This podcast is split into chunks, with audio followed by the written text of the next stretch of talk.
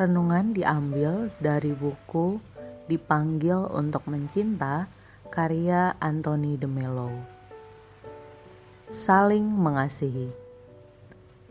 Yohanes 15 ayat 12 Inilah perintahku, yaitu supaya kamu saling mengasihi seperti aku telah mengasihi kamu.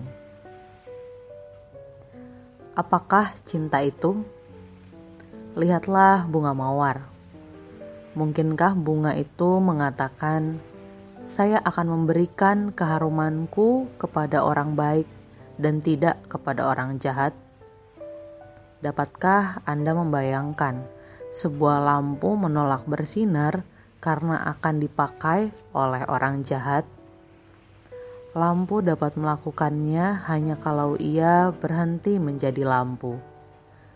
Dan lihatlah bagaimana sebatang pohon tanpa pilih kasih memberikan tempat berteduh bagi setiap orang, baik dan buruk, muda dan tua, tinggi dan rendah, kepada binatang, manusia, dan setiap makhluk hidup, bahkan kepada orang yang sedang bersiap-siap menebangnya. Jadi, inilah sifat pertama dari cinta: tidak membeda-bedakan.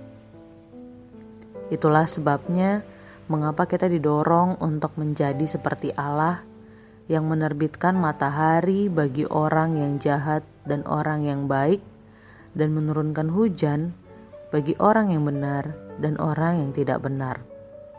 Karena itu haruslah kamu sempurna, sama seperti Bapamu yang di sorga adalah sempurna. Renungkanlah dengan penuh kekaguman kebaikan bunga mawar, lampu, dan pohon yang demikian sempurna, karena dari situlah Anda mendapatkan gambaran mengenai cinta. Apa yang perlu kita lakukan agar dapat memiliki cinta yang seperti itu? Apa saja yang Anda lakukan hanya akan menimbulkan rasa terpaksa, diperalat, dan kepura-puraan karena cinta tidak dapat dipaksakan tidak ada yang dapat Anda lakukan.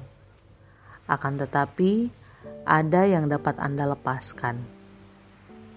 Amatilah perubahan besar yang terjadi saat Anda berhenti melihat orang-orang itu sebagai baik dan buruk, kudus dan pendosa, dan mulai melihat mereka sebagai tidak sadar dan tidak tahu. Tak seorang pun dapat berbuat dosa dalam terang kesadaran Dosa terjadi dalam ketidaktahuan, bukan dalam kebencian seperti yang kita pikirkan. Bapa, ampunilah mereka sebab mereka tidak tahu apa yang mereka perbuat. Melihat ini berarti mendapatkan sifat cinta yang tidak membeda-bedakan yang secara mengagumkan ada dalam bunga mawar, lampu, dan pohon. Sifat cinta yang kedua adalah cuma-cuma atau tanpa pamrih. Seperti pohon, mawar, dan lampu, cinta memberi dan tak meminta balas jasa. Betapa kita memandang rendah pria yang memilih istrinya bukan berdasarkan sifat yang dimiliki calon istri, tapi berdasarkan jumlah uang yang dibawanya sebagai mas kawin. Pria semacam itu hanya mencintai keuntungan finansial yang dibawa wanita itu bukan mencintai wanitanya.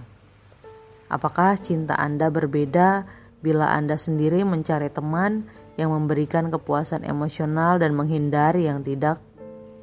Bila Anda bersikap baik kepada orang-orang yang memenuhi keinginan dan harapan-harapan Anda dan bersikap negatif atau tidak acuh terhadap mereka yang tidak, dalam hal ini juga hanya ada satu yang perlu Anda perbuat untuk mencapai cinta yang tanpa pamrih itu, yaitu dengan jalan membuka mata dan melihat.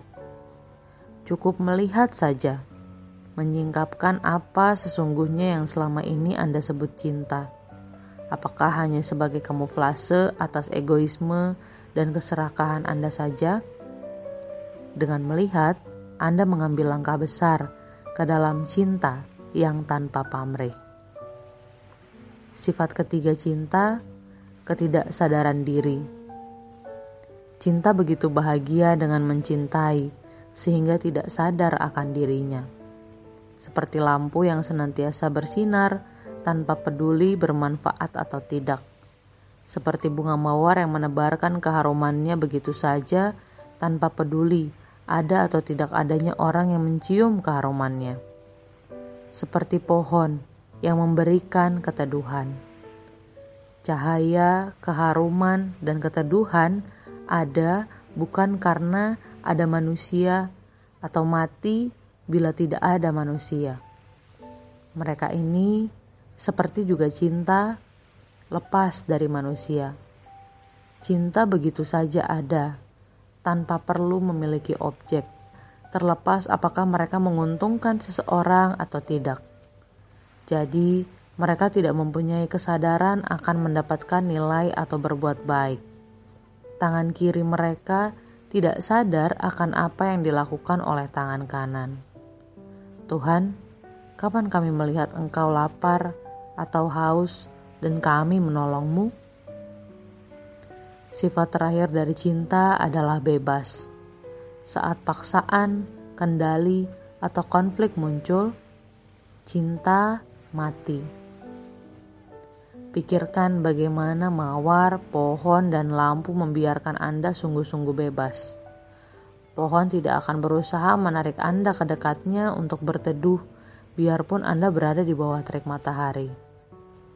Lampu tidak akan memaksakan cahayanya, biarpun Anda sedang terseok-seok dalam kegelapan. Pikirkan sejenak saat-saat ketika Anda menyerah pada paksaan dan kendali orang lain karena ingin bertindak sesuai dengan harapan mereka dalam usaha membeli cinta dan penerimaan dari mereka, atau karena Anda takut kehilangan mereka. Oleh karena itu, renungkanlah semua kendali dan paksaan dalam hidup Anda. Kiranya permenungan itu sendiri akan menghancurkan kendali dan paksaan. Saat paksaan dan kendali itu hilang, kebebasan akan muncul. Kebebasan adalah kata lain untuk cinta. Demikian renungan dari buku Dipanggil untuk Mencinta karya Anthony de Mello. Tuhan memberkati.